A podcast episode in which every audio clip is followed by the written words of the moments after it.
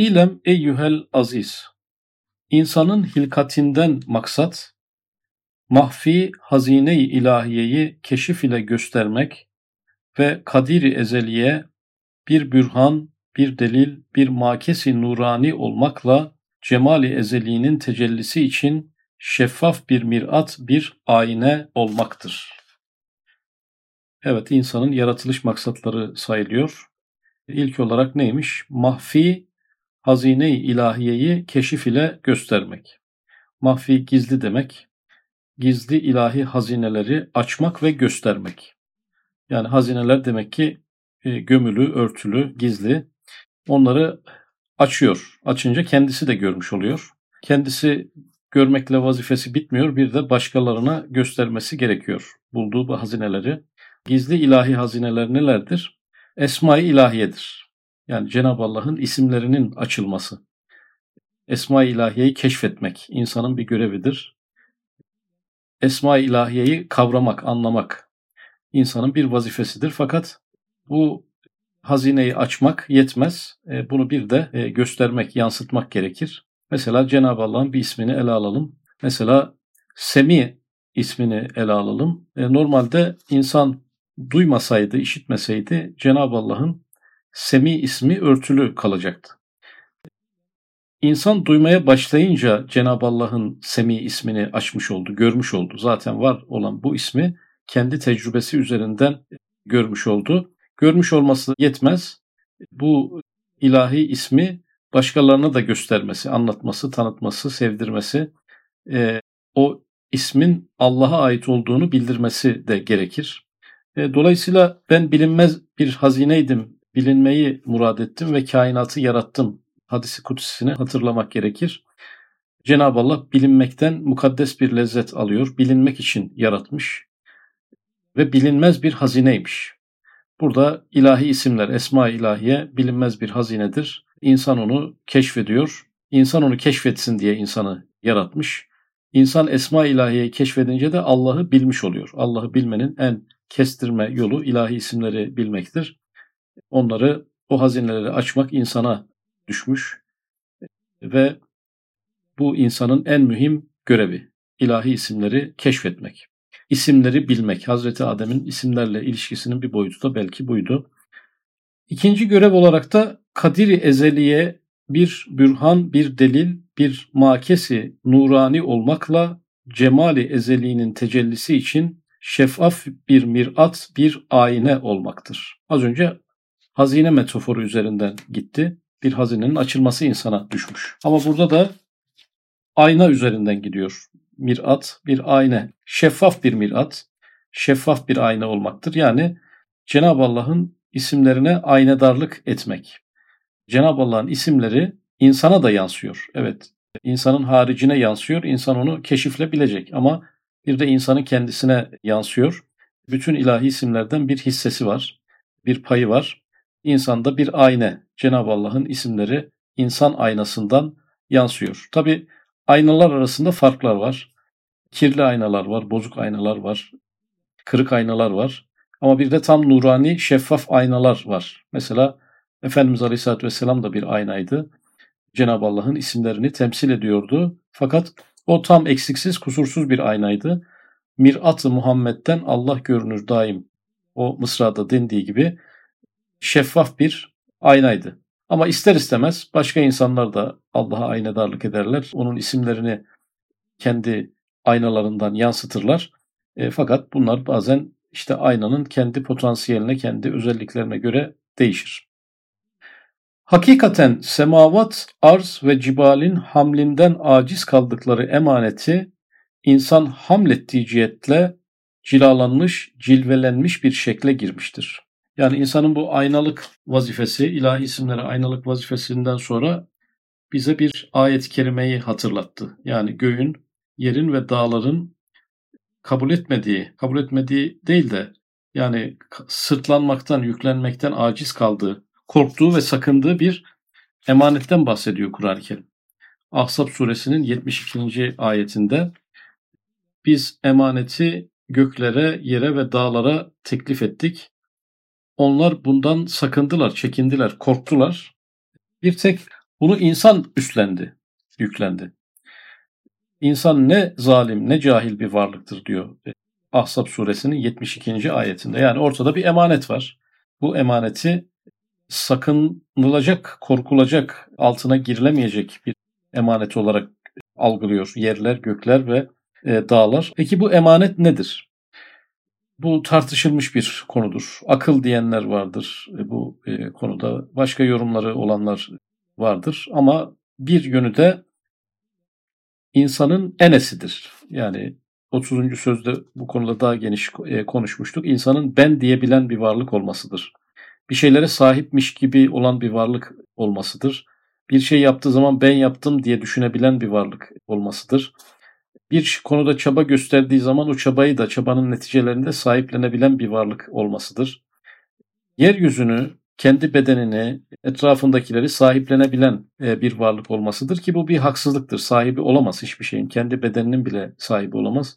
Kendi bedeninde organlarının, hücrelerinin yaptığı milyarlarca, trilyonlarca etkinliğin hemen hemen hiçbirini kontrol edemez. Kontrol edebildiği elini ayağını sallamak, ileriye doğru geriye doğru gitmek gibi basit birkaç eylemdir. O basit eylemlerin altında da milyarlarca işlem yatar. Onları da o kontrol edemez. E, ama buna rağmen insan ben diyebilen bir varlıktır. Diğer varlıklardan insanı bu ayırır. E, bir inek ahırıyla övünemez, onu benimdir diye sahiplenemez. Bir e, arı yaptığı balı sahiplenemez. E, e, bir çiçek çıkardığı kokuyu sahiplenemez. Kendisine ait onu göremez ama insan e, görebilir. E, bunu kendi üzerine alabilir. İşte emanetin en ağır boyutu. Fakat emanet demek ene demektir. Ene de aslında bütün ilahi isimlerin merkezleştiği bir nokta olmasından dolayı insanın cilalandığı, cilvelendiği bir yerdir. İnsanı yükselten de bir şeydir. Enenin bir yönü nübüvvet, bir yönü felsefe tutmuş gidiyor diye anlatmıştık. Aslında insanı en yükseğe çıkaran da e, enedir. Enenin tanınmasıdır. En aşağıya indiren de yine enedir. Çünkü o emanetin mazmunlarından biri de yani anlamlarından biri de insanın sıfat-ı ilahiyeyi fehmetmek için bir vahidi kıyasi vazifesini görmektir. Evet ene niye verilmiş insana? Ne için verilmiş? Bir vahidi kıyasi, e, bir kıstas olsun diye. Mesela bir insan e, kendi bedenini sahiplenir. E, sonra sahiplenme duygusunu öğrenmiş olur. Kainatın da Allah'a ait olduğunu buradan çıkarabilir. Kendi sahipliği ile kıyas eder. Ben bedenimin sahibiysem bu kainatın da bir sahibi olmalı der. Bir kıyas yapmış olur. En sonunda kıyası şöyle tamamlar. O zaman kainatın sahibi kimse benim bedenimin sahibi de odur. Böylelikle kıyas tamamlanmış olur. Vahidi kıyası. Yani insan bir şeyi görür, e, ben görüyorum der. Gören benim der. E, böyle olduğu zaman her şeyi gören bir varlık da olmalı diye buradan bu kıyasa ulaşır. Ben bir şeyleri görüyorsam bir de her şeyi gören bir varlık vardır. Oraya intikal eder. Sonra bu kıyası şöyle tamamlar. Her şeyi gören varlık kimse benim görmemi yaratan da odur. Benim üzerimden yine gören de odur. Gören ben değilim. Böylelikle o dairesel konuyu tamamlayıp ene üzerinden yücelir ve yükselir. İnsan bir vahidi kıyası geometrideki hayali farazi hatlar gibi aslında olmayan, e, hakikatte olmayan bir sahiplik, bir maliklik e, duygusu taşır. Allah ona bu duyguları vermiştir. Ama kıyas yapsın diye vermiştir. Vermeseydi ne olurdu? İnsan kendi bedeninin sahibi olduğunu hissedemeseydi, bunu bilemeseydi, böyle bir bilgisi olamasaydı, ona şu bilgi ulaşırsa, yani kainatın bir sahibi var bilgisi ulaşırsa o bu bilgiyi anlayamazdı. Çünkü sahiplik nedir onu bilmiyor ki kainatın sahibini bilsin. Dolayısıyla enenin böyle bir faydalı bir tarafı da var. Hatta bazı alimler şu düşünceyi taşımışlardır. Cenab-ı Allah'ın acaba bildirdiği isimler haricinde bildirmediği isimler de var mı? Mesela insanda görme özelliği olmasaydı, yani hiçbir insan görmüyor olsaydı, hiçbir insanda görme özelliği olmasaydı Cenab-ı Allah ben basirim der miydi? Dese bile bir anlamı olmazdı hiç kimse için. Hiç kimse işitmiyor olsaydı, kulakları duymuyor olsaydı Cenab-ı Allah ben semiyim, işitenim diye bir bilgi insana ulaştırır mıydı? Hadi ulaştırırdı desek anlamsız ve abes bir bilgi. Biz bu bilgiyi niye biliyoruz ki? Hiçbir şey anlamıyoruz. Anlamadığımız bir şey bize niye bildiriliyor? O yüzden bazı alimler demişler ki insanın da anlamadığı, bilmediği, insanda karşılığı olmayan pek çok ilahi isim de vardır demişlerdir. Bazı alimler de hangi ilahi isim olursa olsun insanda bir numunesi vardır demişlerdir. Bu konuda iki tane farklı görüş söz konusu. Ama buraya kadar anlaşılıyor ki insanın vazifesi ilahi isimleri kendisindeki özellikler üzerinden kıyaslayarak bilmek ve tanımak ve keşfetmek, açığa çıkarmaktır. İnsanın hilkatinden maksat bu gibi şeyler olduğu halde kısmı ekserisi perde olurlar, set olurlar. Şimdi insanın yaratılma maksadı ayna olmak, Cenab-ı Allah'ın isimlerini yansıtan şeffaf, parlak aynalar olmak olduğuna e, rağmen e, perde ve set olur. İnsanların çoğu ayna olmaz da perde ve set olur. Perde perde ışığı yansıtırken azaltır. Yani evde perdemiz kapalıyken de eve ışık girer ama perdeler e, açıkkenki kadar olmaz. Demek ki perde ışığı evet içeri alıyor ama sadece azaltıyor, yıpratıyor, düşürüyor diyebiliriz. Set kelimesi set perde gibi değildir. Yani set varsa ışık hiç girmez. Yani bazı insanlar Allah'a ayna olması gerekirken, Cenab-ı Allah'ın isimlerine ayna olması gerekirken perde olurlar. Yani şirk, bir ortak koşma. Yani Allah da yapıyor ama ben de yapıyorum. E, Allah da rızkımızı veriyor ama patron da patronun da hissesi var. Perde oldu yani bu sefer ışığı azalttı. Allah bana şifa verdi ama bunda doktorun da hissesi var. Allah bana mutluluk verdi ama buna bunda sevdiklerimin de bir payı var. Derse şeffaf bir ayna olmuş olmaz. Perde olmuş olur. Yani ışığı kıran, ışığı azaltan ama yüzde yüz kararmış değil. E, perde olan bir tecelli olur. Set kelimesine gelince burada artık sadece ben yaptım, ben kazandım.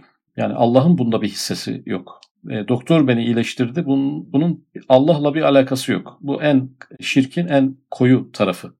Yani bir ortaklık bile vermeye tenezzül etmiyor Cenab-ı Allah'a.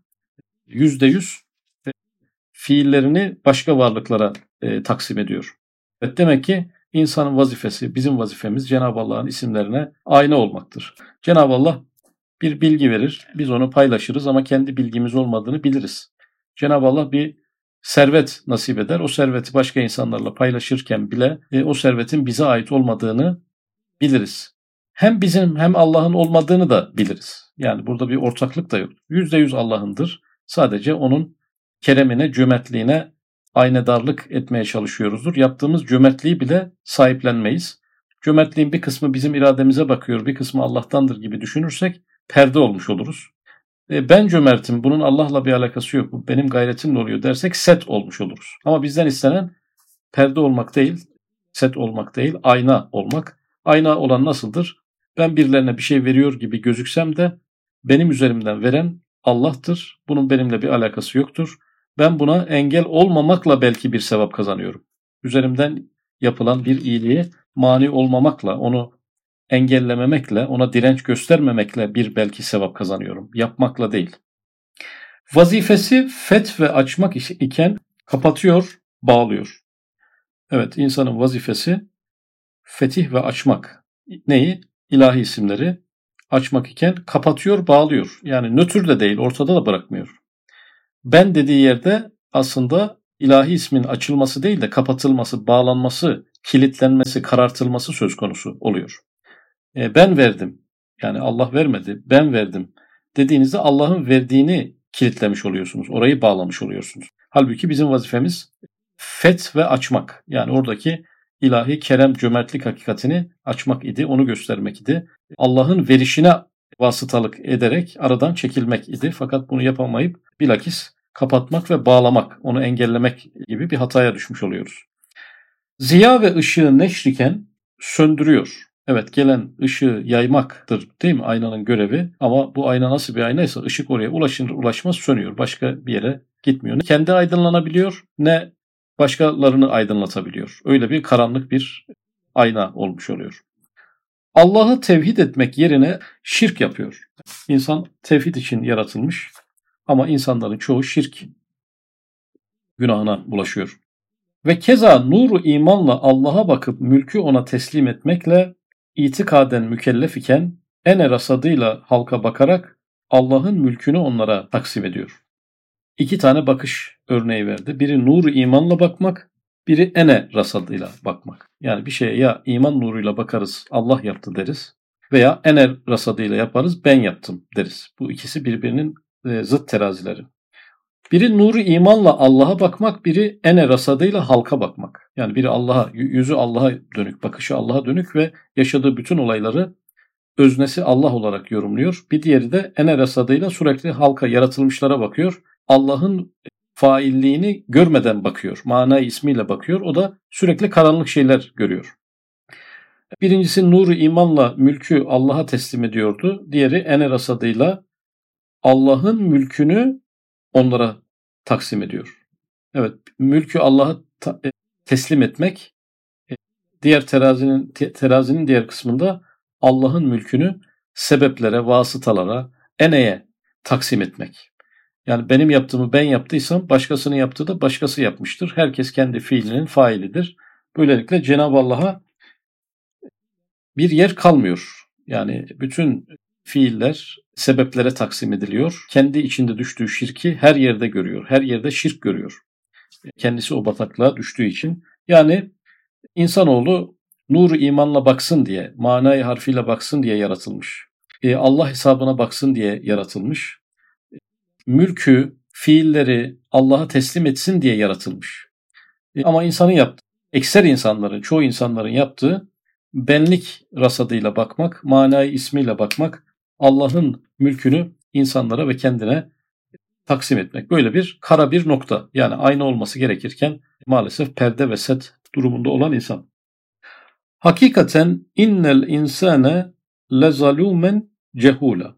Yine Ahzab suresinin son ayetindeki ifade muhakkak ki insan çok zalimdir. Neden zalimdir? Allah'ın mülkünü başkalarına taksim etti e, ve cahildir. Bunu e, yaparak da bir cahillik etmiş e, olur. Bu 30. sözün metnini andıran bir e, konuydu. Belki de 30. söz bu paragraftan çıkıyor da olabilir. Belki bu paragraf 30. sözde 20-30 sayfa kadar uzun uzun açıklanmış. Bir alıntı daha.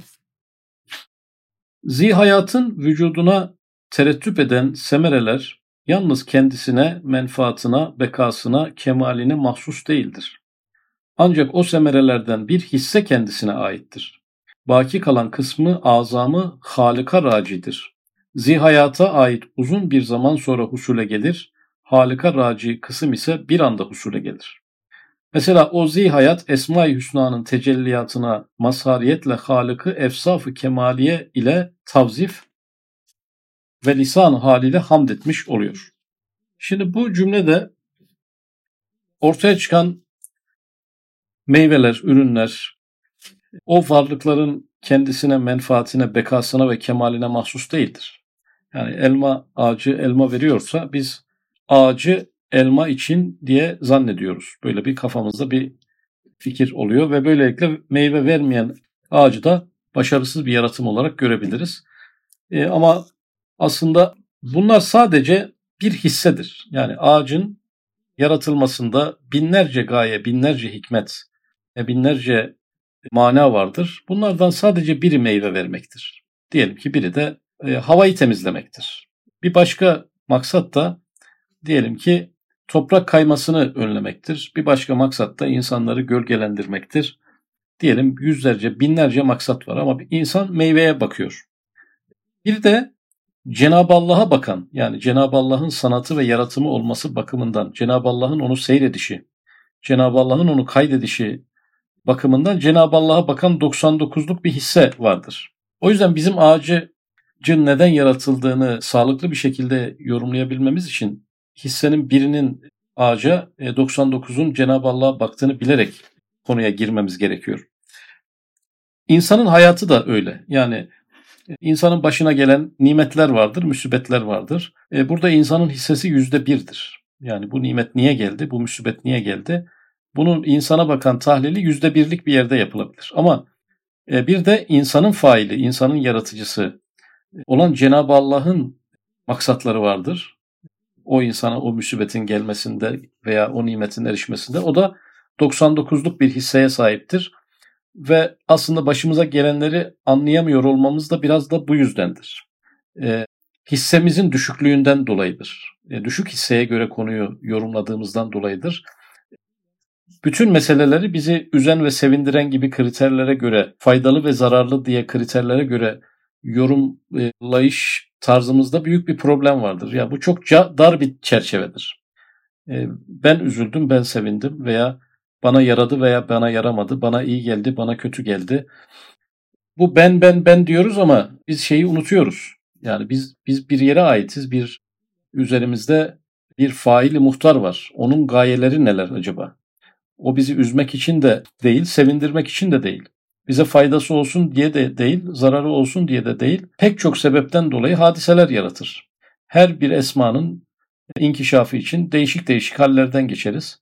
Ve ben merkezci, hodgam bir bakış açısıyla, bencil bir bakış açısıyla bizi üzen şeylerin kötü olduğunu, bize zararlı olan şeylerin zararlı olduğunu düşünürüz ama daha üst bir düzeye intikal edemeyiz. Yani kendi benlik penceremizden çıkamayız.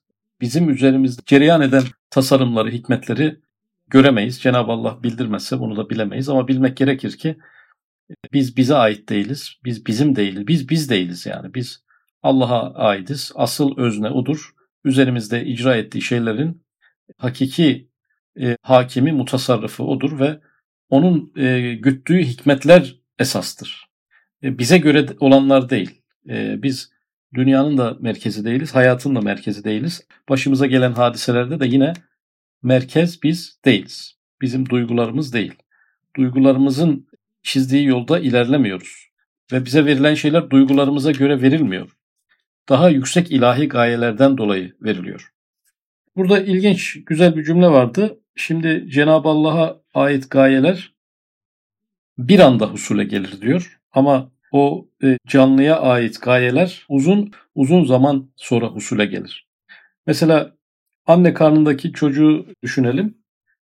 Anne karnındaki çocuk anne karnından sağ salim çıkınca insana dönük bir meyve ortaya çıkmış olur. İnsana ait bir hedef gerçekleşmiş olur.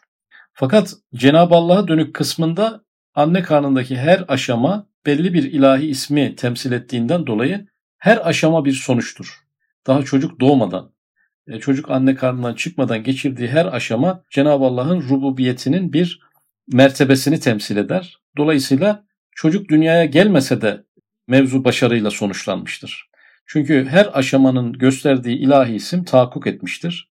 İnsana bakan tarafı ayrı e, ama Cenab-ı Allah'ın isimlerine bakan tarafı ayrıdır. Veya ağaç meyve vermeden geçirdiği bütün aşamalarda bir ilahi ismi açığa çıkarır. Meyve vermese de yüz binlerce aşama geçirmiştir. Yüz binlerce ilahi isim tahakkuk etmiştir. Dolayısıyla meyve vermeyen ağaç da başarılı bir e, ağaçtır. Veya e, sebeplere riayet edip neticelendiremediğimiz hadiseler vardır. Orada sonuç itibariyle sebeplere riayet edişimiz Cenab-ı Allah'ın pek çok ismine e, aynı darlık ettiğinden dolayı bu bir başarıdır. Sonda bizim beklediğimiz neticenin olmayışı bir eksiklik değildir ilahi isimlere göre. Çünkü Cenab-ı Allah'ın Hakim ismi dolayısıyla her şey aşama aşama gerçekleşir. Her aşama da bir sonuçtur. Mesela Cenab-ı Allah kainatı bir anda bir hamlede yaratsaydı aşamalar halinde değil de ne olurdu? Biz kainatın oluşumundaki ilahi isimleri göremezdik. Diyelim ki bir mimarın mimarlığını ölçüyoruz. İyi bir mimar mı, kötü bir mimar mı, başarılı mı değil mi? Ama adamda öyle bir yetenek var ki bir tuşa basınca birden bir bina meydana geliyor. Tek hamlede. Tek hamlede geliş, gelirse bu insanın biz ahlakını, düzenli çalışıp çalışmadığını, işine sadakatli olup olmadığını, iyi bir proje çizip çizmediğini, projenin adımlarını güzel takip edip etmediğini, işçilerine karşı şefkatli olup olmadığını filan bunları çözemeyiz. Hiçbir şey açığa çıkıp sadece binayı görmüş oluruz. Cenab-ı Allah'ın hakim ismi de bir şeylerin bir anda oluşmasına izin vermez. Çünkü bir anda oluşursa ilahi isimler ortaya çıkmaz. İnsanlar da Cenab-ı Allah'ı tanımamış olurlar. Cenab-ı Allah'ı tanımak için her şey aşamalardan oluşur. Ama her şey aşamalardan oluşsa bile yine de her şey bir anda olmuştur. Çünkü Cenab-ı Allah'ın zamandan ve mekandan münezzehiyetine bakacak olursak bu aşamalar bize göre aşamadır. Yani bu bize göre bir şeydir. Kainatın altı aşamada yaratılması aslında kainat bir hamlede bir lahzada olmuştur. Çocuk 9 ayda anne karnından çıkmış gibi bize görünür. Aslında o bir anda olmuştur. Kadir ismi itibariyle anlık bir tecellidir ama biz bunu zamandan münezzeh olmayan, zamana ve mekana kayıtlı, onlarla prangalı varlıklar olarak belli bir süre içerisinde yaşarız. Dolayısıyla e, aslında Cenab-ı Allah'a bakan yönüyle e, bütün mertebeler ve aşamalar birer sonuçtur. E, birer ilahi ismin temsilcisidir ama insana bakan yönüyle konuya bakacak olursak her şey belli bir zamana e, tabidir.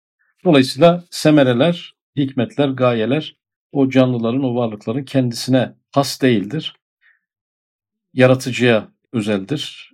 Bu da insana bencil bir bakış açısından çıkmasını gerektiren bir anlatım olmuş oluyor.